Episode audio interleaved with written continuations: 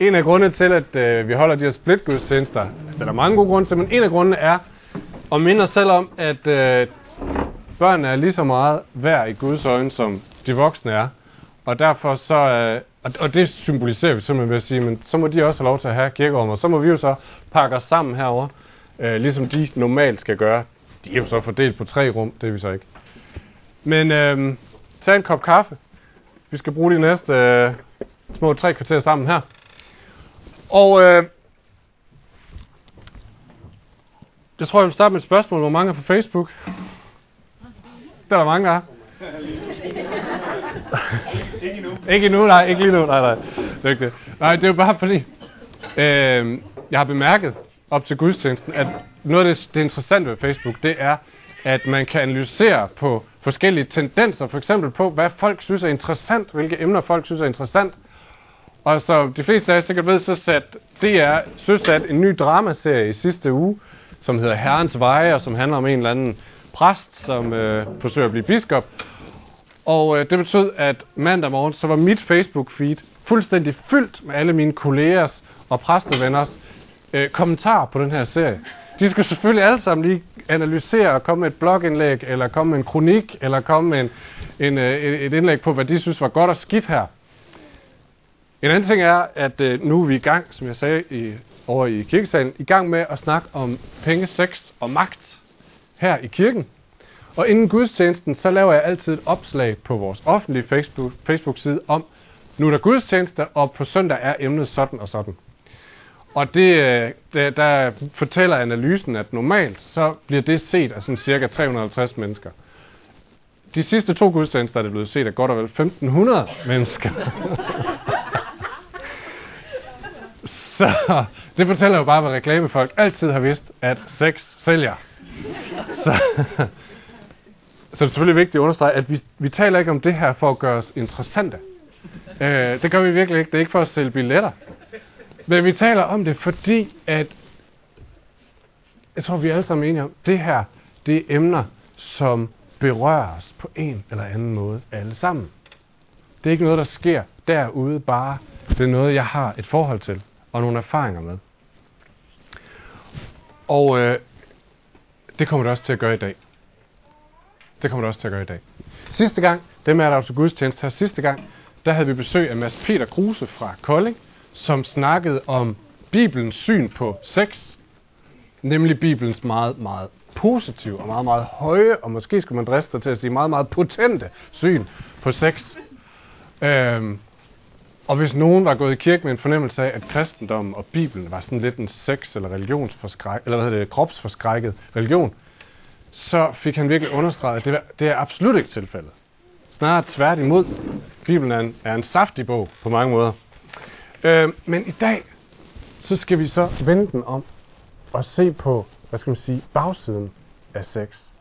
Når sex og det, som sex var skabt til, nemlig romantiske relationer mellem mennesker, når det på en eller anden måde får, tager styringen eller kommer ind på en forkert plads i vores liv, vores samfund, hvordan ser det så ud?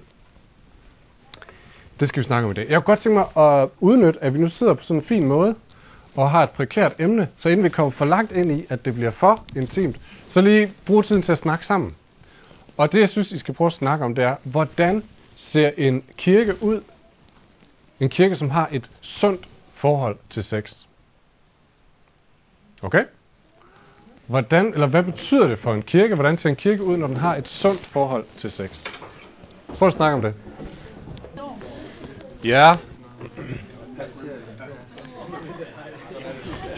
Det kunne være meget spændende egentlig bare at have tid til at, at have en stor plenumsnak og høre noget om det her. Fordi jeg tænker egentlig, at kirken generelt set måske ikke har haft et positivt ry for at blande sig i den her snak omkring, øh, hvad er sex og hvad er de sunde rammer omkring det. Men jeg tænker i høj grad, at der er brug for, at kirken overvejer sin rolle ind i samfundet. Så vi er faktisk nogen, der har øh, tanker og overvejelser omkring, hvad sex er, hvad sex betyder. Har vi en rolle at spille ind i samfundet, eller hvordan kan vi spille en rolle ind i et samfund, hvor det kan være svært at se, at nogen har nogle rigtige holdninger, måske groft sagt. Ikke? Så prøv lige at tænke videre over det. Og øh, snakke med Gud om det. Og overvej, hvordan gør man det her som kirke? Ja, godt. Øh, Hugh Hefner er død. Så nogen af jer sikkert ved. Han, øh, han er stifteren af Playboy-magasinet, som var det første sådan massepublicerede blad i USA, som indeholdt billeder af nøgne damer. Han døde i den her uge, og han, øh, nogle af jer kender ham, han har en meget, meget øh, kendt for sin meget celebre livsstil. Og øh, jeg læste i den her uge et sted, at da han stiftede det her Playboy-magasin i 50'erne, så var det cirka 10 år efter, at hans kone havde øh, været ham utro, mens han var udsendt som soldat under 2. verdenskrig. Og da han kom hjem, og de skulle forsøge at gøre et eller andet for at redde det her parforhold, så sagde de noget i retning af, Nå, well, sex er jo ikke så vigtigt, det er jo bare en appetit. Det er jo bare ligesom sult, og altså, det, er ikke, det, det er ikke så vigtigt. Så lad os have et åbent forhold. Lad os bare øh, aftale, at vi må gå i seng med, hvem vi har lyst, og så holder vi sammen. Det var deres aftale for at forsøge at redde det, så gik der nogle, nogle år, og så startede han Playboy-magasinet øh, op, videre af samme tanke. Det er bare en appetit. Og så endte det med at blive skilt. Og man skal ikke forsøge at trække streger og lave konsekvenser i folks liv, særligt ikke folk, der er døde. Men jeg tror, at man kan sige, at det er tydeligt at se, at sex kan både velsigne, men sex kan virkelig også ødelægge. Og det er tydeligt, at det har mere kraft, end at bare være sådan en, en slags appetit. Det stikker dybere. Og det er det, vi skal prøve at se på i dag. Og det er et emne, som har rigtig mange faktorer og mange ting på spil i vores liv.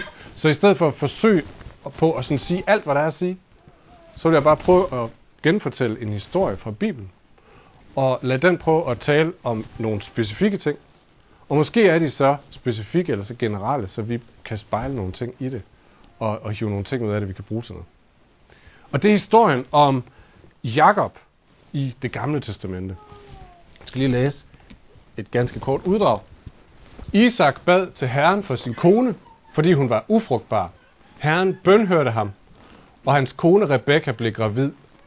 Men da børnene sloges inde i hende, sagde hun, hvis det skal være sådan, hvorfor er dette så sket mig? Og hun gik hen for at spørge Herren til råds. Herren svarede hende, to folk er i dit moderliv. To folkeslag skal udgå af dit skød. Det ene folk skal være stærkere end det andet. Den ældste skal trælle for den yngste. Da tiden kom, og hun skulle føde, viste sig, at der var tvillinger i hendes liv. Isak er søn af Abraham, som nogle af jer vil huske. Abraham er den figur, eller den person i det gamle testamente, som Gud kalder og siger, igennem dig, Abraham, så vil jeg kalde alle mennesker tilbage til mig. Så vil jeg forsøge at række min velsignelse og min kærlighed ud til alle mennesker. Det vil jeg gøre gennem dig, og det vil jeg gøre gennem din familie. Og der skal gå en rød tråd af den her velsignelse hele vejen igennem din familie. Og Abraham bliver stamfar til hele Israels folk og, øh, og historien derfra. Og da problemet er så, at da Abraham, nej, hvad hedder det, Isak så endelig får sin ældste søn, hvor velsignelsen skal flyde videre, så har han ikke et barn, så har han, får han to sønner, for der er tvillinger. Og Abraham, han tænker, han kan egentlig bedst lide den ældste. Men som vi læser her, så er Guds velsignelse knyttet til den yngste. Den ældste skal trælle for den yngste. Så velsignelsen skal gå videre gennem den yngste. Da Abraham så, nej, Abraham, Isak så ligger og skal dø, så er det tid til at give velsignelsen videre, som man gjorde på det tidspunkt. Og han tænker at give den videre til sin ældste søn.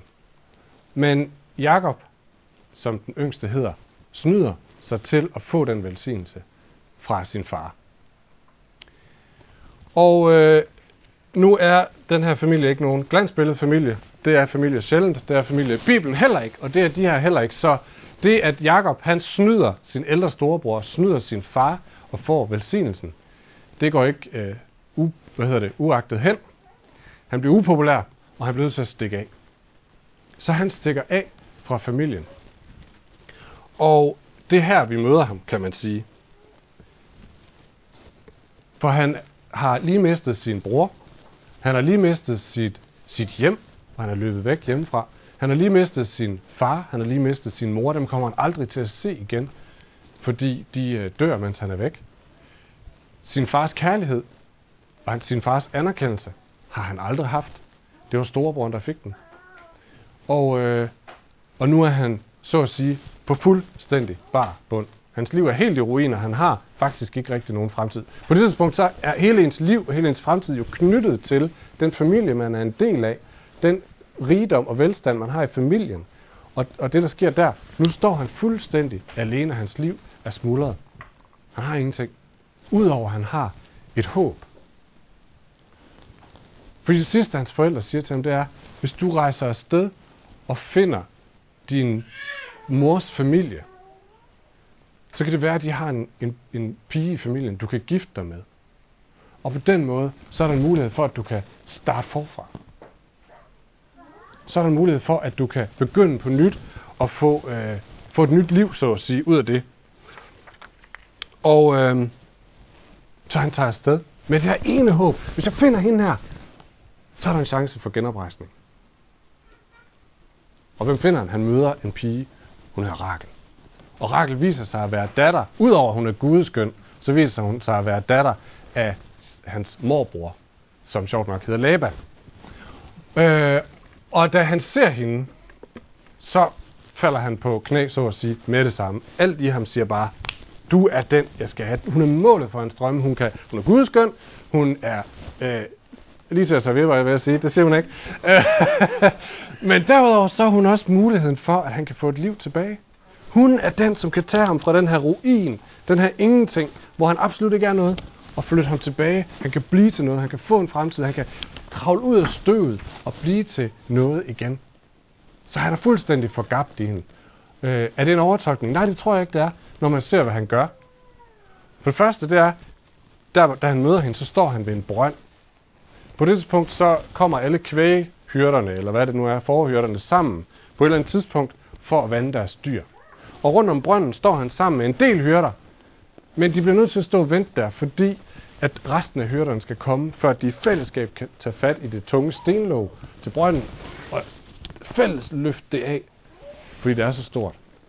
Men så står der, da, da Jacob ser Rakel, smutter han direkte hen til låget, hiver det af og begynder at vande hendes form. Det gør man ikke så tit, det der. Øhm, det næste er, at Jakob får lov til at gå med Rakel hjem og møde hendes familie.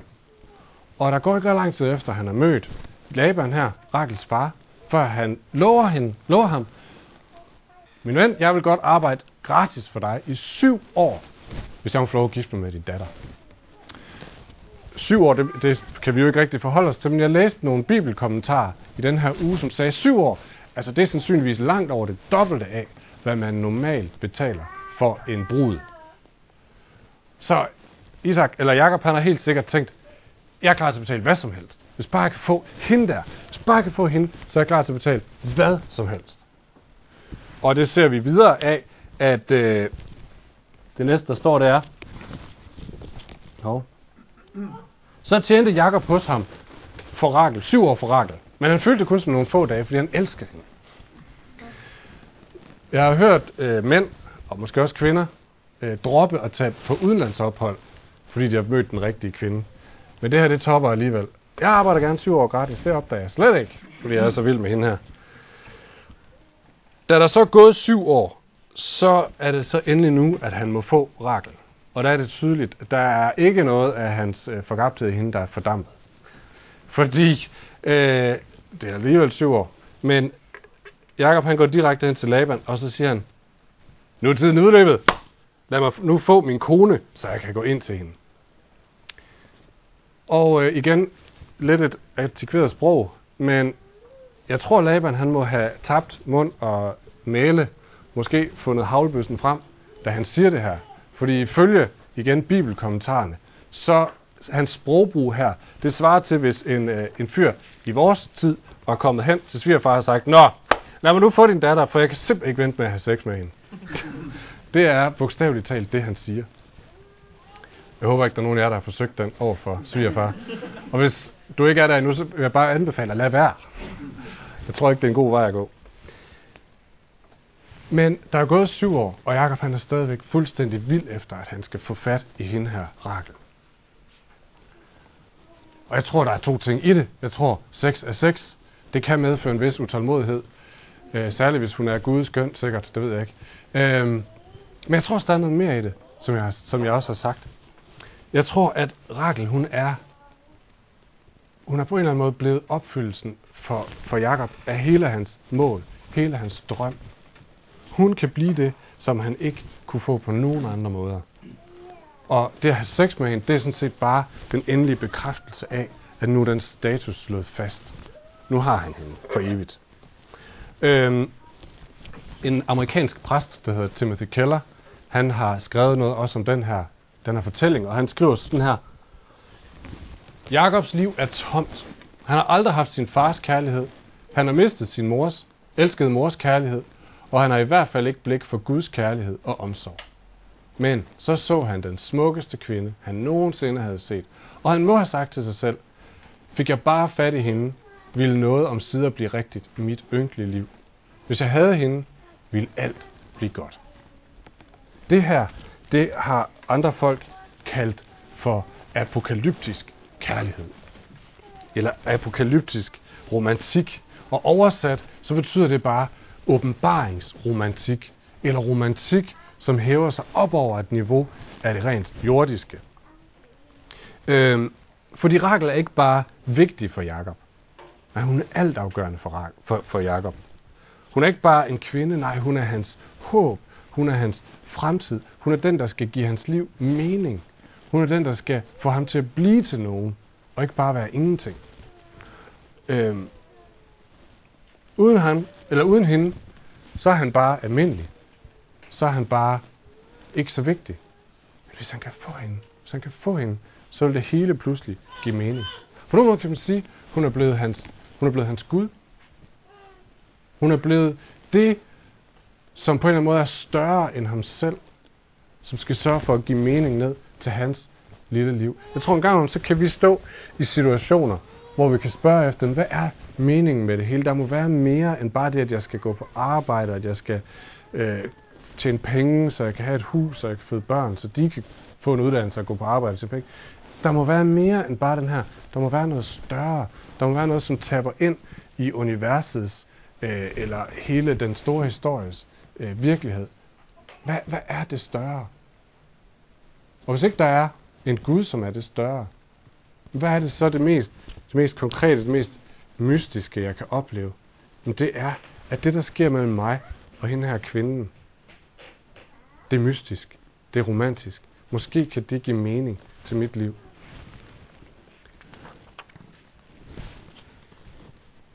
Hvis man kigger på, øh, på tatoveringer.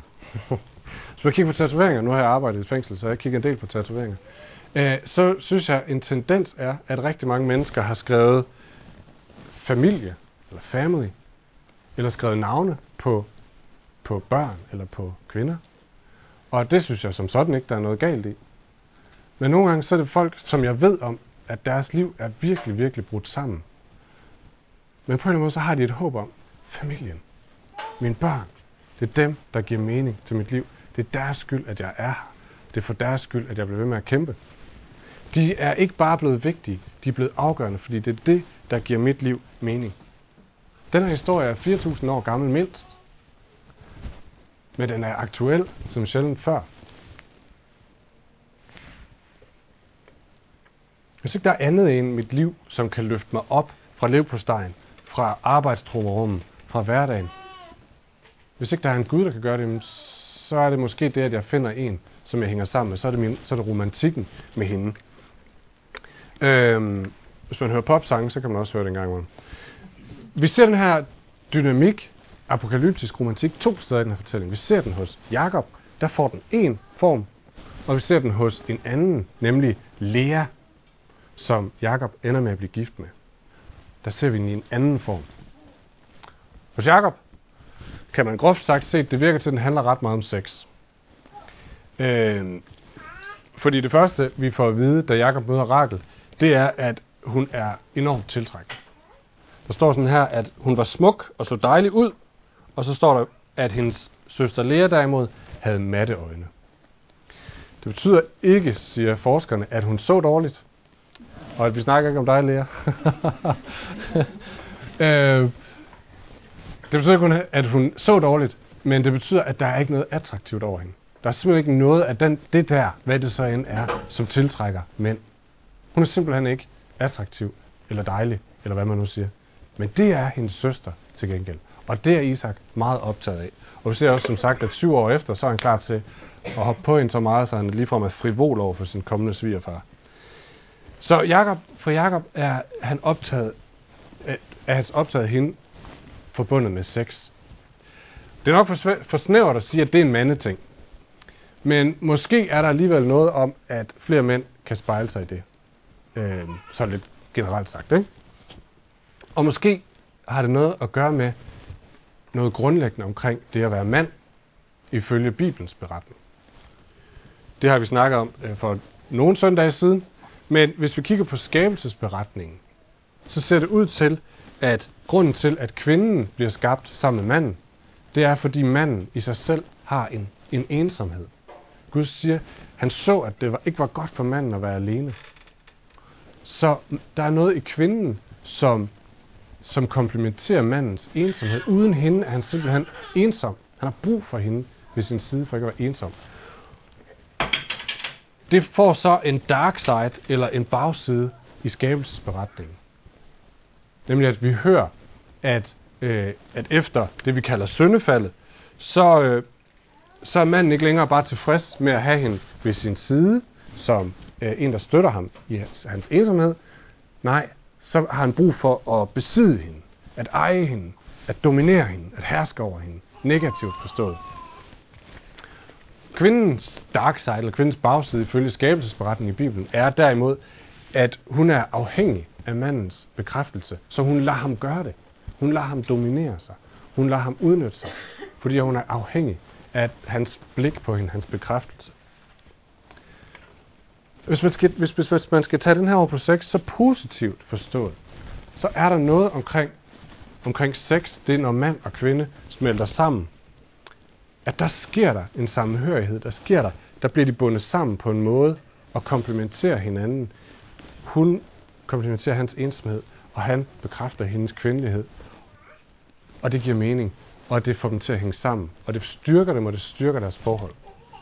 Men negativt forstået, negativt brugt, så kan sex give manden en oplevelse af at øh, kunne eje, kunne dominere, kunne bestemme. Og det kan negativt set give kvinden en kort oplevelse af at blive set og blive bekræftet. Det tiltaler et eller andet i vores faldende jeg. Et sted, hvor man kan se det her afsløret i al sin gru, er i, øh, i sexindustrien. Hvis sex bare var en, en appetit, så ville det ikke være så stort. Men når man kigger på de tal og statistikker, som er omkring det, så ser man her, er der noget, der har fat meget, meget dybt i noget i os. Øhm, jeg kigger på nogle statistikker, man har regnet ud, at 12% af alle hjemmesider handler om porno. Altså alle hjemmesider i verden, 12%. At hvert år omsættes der i USA, kun i USA, for omkring 10-12 milliarder dollars på porno. Og på verdensplan mener man, at det 12, tal er 100 milliarder dollars. Det er større end Ungarns national, bruttonationalprodukt.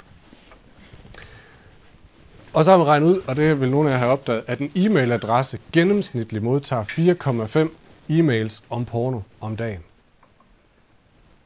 Så meget salg, så meget kraft er der i det. Og måske endnu mørkere side af det her er menneskehandel eller trafficking.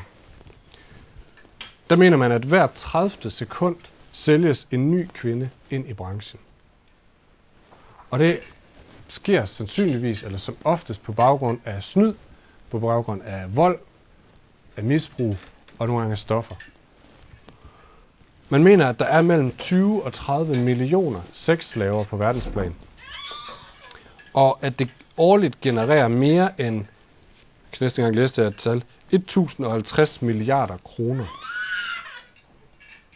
Så mange penge kommer ud af det om året. Og man mener, at cirka 1% af offrene kommer ud af det igen i deres liv. Det vil sige, at resten 99% bliver hængende og ender deres liv. Og hvis man er i tvivl, og man tænker, om det er derude, så er det ikke sværere end at gå ned på Østergade efter kl. 16 hver eneste dag. Der går de op og ned af vejen. De ser glade ud, og det skal de, for ellers sælger de ingenting. Og det er det mennesker, det er kvinder, det er børn, som bliver misbrugt. Hvorfor? Jo, fordi der sidder egoistiske mænd, som har et behov for at føle magt. Som har et behov for at få komplementeret sin ensomhed. Som har et behov for at føle, at de besidder en kvinde. Sagt lidt eksplicit. For hver ensom udløsning ligger der et lig i rendestenen, skamferet. Og, og det er svært, synes jeg, når vi sidder her i et pænt, øh, pænt stue og pænt lamper og alt muligt andet, og så forholde sig til det der i sin gru. Øh, og jeg tror, hvis vi kunne bare et øjeblik, så ville vi næsten ikke kunne hænge sammen. Det er, det er fuldstændig horribelt, og det foregår lige rundt omkring os. Og det er mennesker, som bliver fuldstændig smadret. Og det vidner om en syg, syg verden, hvor en meget, meget syg del af vores menneskelige sind har fået vanvittigt meget overtag og fået lov til at spille Ludo med det hele. Og den stemme, som forsøger ligesom at tale det imod, er der, men den er super svag. Jeg hørte en sige, at der bliver puttet var det 80 millioner kroner i arbejdet imod det her, men det genererer 1050 milliarder kroner på verdensplan. Så den stemme, den er forsvindende lille i forhold til det monster, som æder alting. Og det monster, som starter allerinderst i vores, vores hvad skal man sige, fald eller vores brudhed.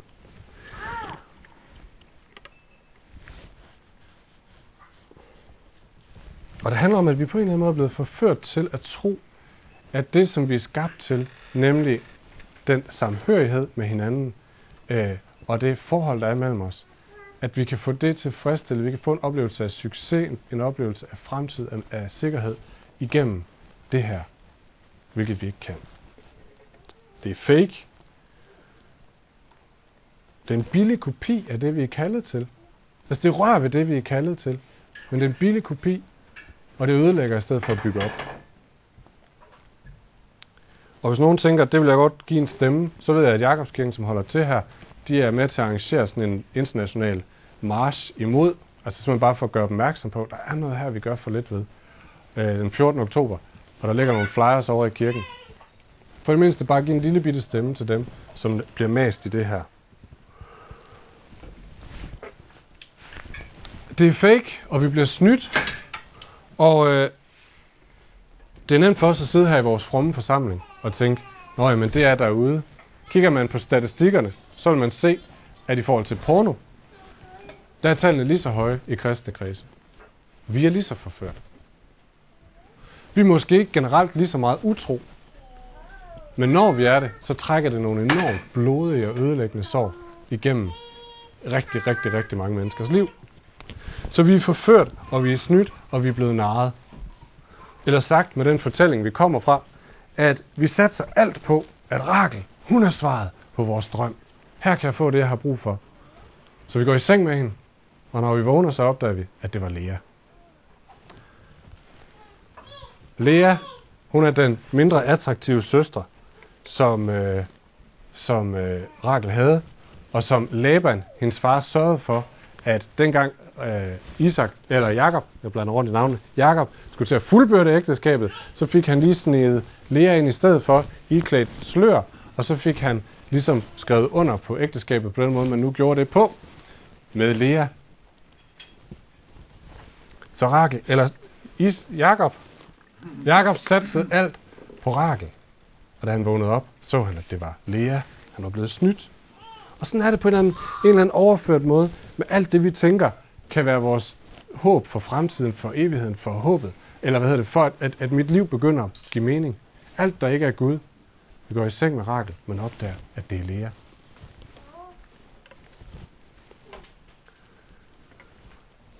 Nu fik jeg introduceret Lea som jo egentlig er en, en, en stakkel i den her fortælling. Men det interessante er, at hun gør faktisk lidt det samme som Jakob. Hun satser på, at Jakob kan blive hendes redning.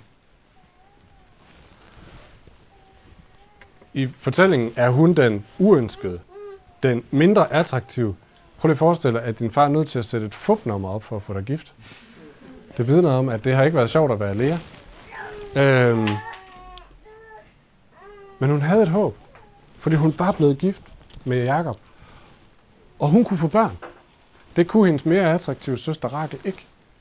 Så det hun tænker ved sig selv, det er, hvis jeg nu bare får nogle sønner, nogle arvinger, hvis jeg nu bare stifter en familie, så må min mand, der kigge til min side, så må jeg blive til nogen.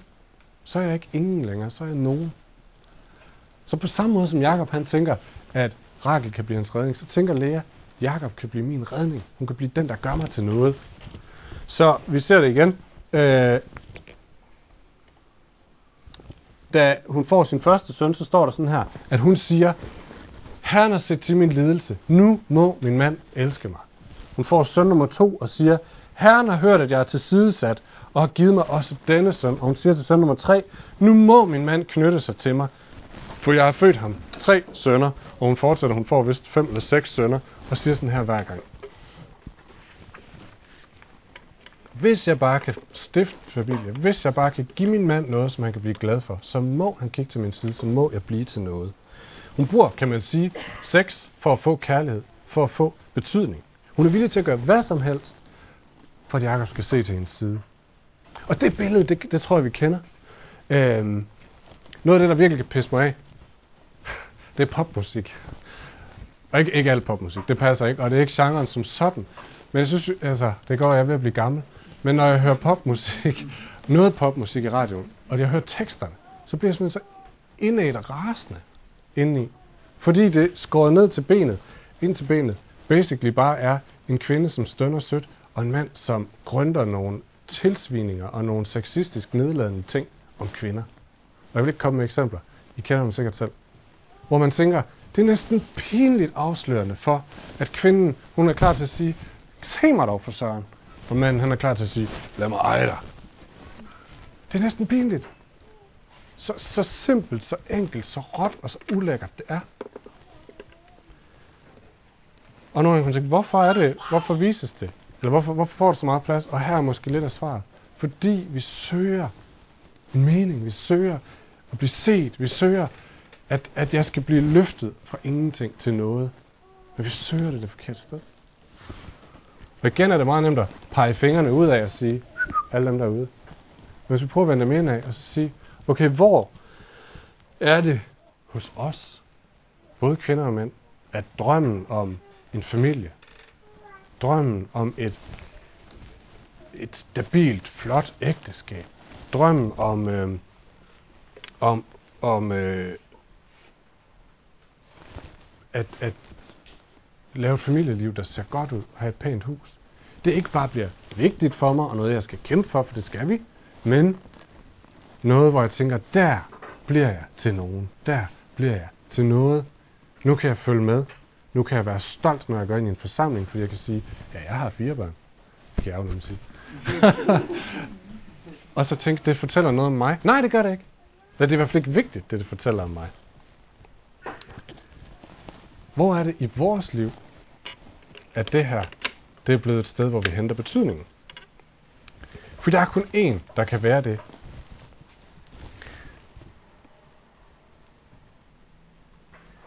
C.S. Lewis, og det er det eneste sted, vi kan stanse den tendens til at begynde at kigge efter alting, som noget, jeg kan gribe i for at få, øh, for at få mening, for at løfte mig ud af ingenting. C.S. Lewis, den gamle engelske forfatter, han skriver sådan her på et tidspunkt.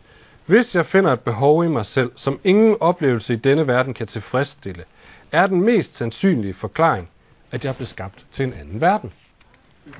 Så han siger, at den her længsel i mig øh, er et tegn, som peger i retning af noget større. Ligesom vand, eller ligesom tørst er et tegn på, at der må eksistere vand. Så siger han, den her længsel efter øh, at blive bekræftet, efter at øh, høre til, kan ikke blive tilfredsstillet af noget her i verden. Der må være noget større. Ingen mand, ingen kvinde, ikke noget parforhold, ikke noget sexliv, kan endegyldigt stille mit behov for mening og anerkendelse eller værdi. Det må være, fordi der et eller andet sted er en anden elsker. Og Og det betyder ikke, at vi skal jage ud af døren, forlade vores hustru og tænke, at jeg må finde hende et eller andet sted derude, som vi desværre nogle gange gør. Nej, det betyder, at der er en helt anden elsker. Der er en uh, gammel engelsk, skotsk præst, som hedder Thomas Chalmers. Han har sagt sådan her. Øh, hjertet kan kun slippe af med, af med en gammel kærlighed, hvis en ny driver den ud. Og siger han, prøv på en hver mulig måde at give hans, altså Guds kærlighed, adgang til dit hjerte. Han, som er større end verden.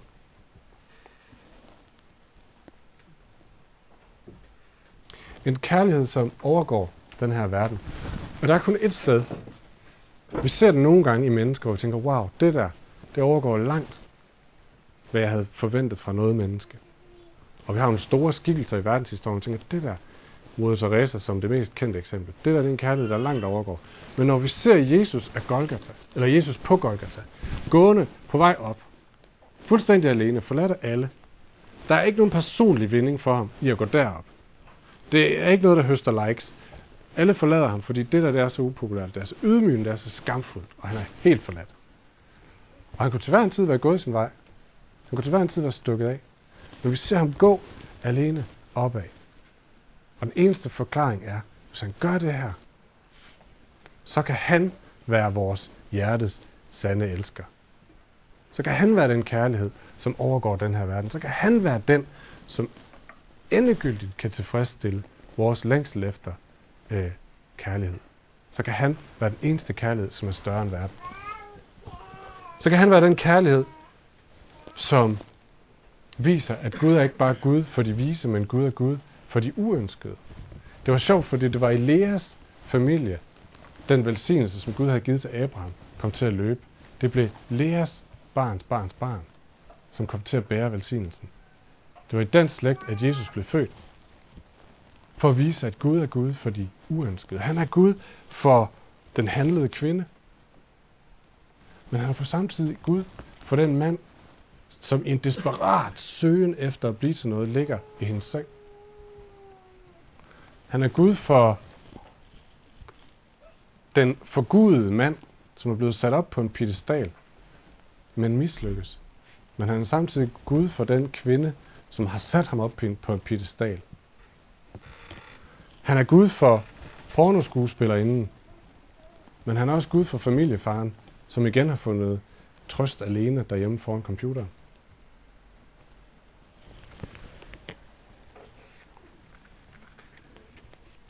Han er vores sjæls sande elsker. Han er den eneste, der kan sande, eller der kan sætte os fri fra at skulle søge efter mening og betydning og værdi alle andre steder og i alle andre. Han er den eneste, der kan redde et ægteskab, fordi hvis jeg går ind i et ægteskab og tænker, at min kone hun skal blive den, som skal give mit liv mening, så kvæler det min kone. Sidste gang, og det er min afsluttende bemærkning her, sidste gang, så læste Mads Peter et ord op, som, øh, som Mette øh, oplever at være blevet mindet om øh, på et tidspunkt, hvor hun sad og bad til Gud. Og øh, sådan fungerer Gud, og derfor vil jeg læse det op igen. Og prøv at lytte til det. Og vær med til, som Paulus siger, at bedømme det, der bliver sagt. Tænk, er det her til mig? Og det er et ord, som er talt fra Jesus, eller det er det, Mette oplever. Og der, og det står, der står sådan her. Se jer omkring. Se på tegnene. Det smuldrer omkring jer. Verden, som I kender og er tryg ved, ophører med at eksistere. Nu er der kun rå virkelighed tilbage. Jeres trygge livsløgn bliver afsløret. Nu fældes der dom over virkeligheden, som den er. Nu er der ingen undskyldning længere. Nu er der kun syndserkendelse og omvendelse tilbage for dem, der ønsker min fred og mit nærvær. Nu er tiden inde. Så lyt og forstå, at din brudgom er nær. Gør dig rede til at modtage din konge. Kom ikke med undskyldninger, for at ikke riget skal tage fra dig, tages fra dig og gives til andre. Tag imod mig og vent på mig med længsel. Jeg venter på dig. Jeg venter på at se min brud beredt. Jeg er fuld af kærlighed til dig. Jeg er fuld af længsel efter dig. Jeg længes efter at mærke dit gensvar på min kærlighed. Lad ikke din kærlighed blive kold og din længsel slukket? Er du ligeglad med mig? Din brudgom, din elsker. Jeg, er jeg din eneste? Eller har du glemt mig, fordi jeg har lavet vente på mig? Jeg længes efter dig. Jeg længes efter dig af hele mit hjerte. Jeg længes efter at mærke din længsel, så vi kan få en smuk forening. Så vi ikke er fremmede for hinanden. Så du ikke er ligegyldig over for mig, når jeg kommer for at hente dig hjem til mig. Lad os bede sammen.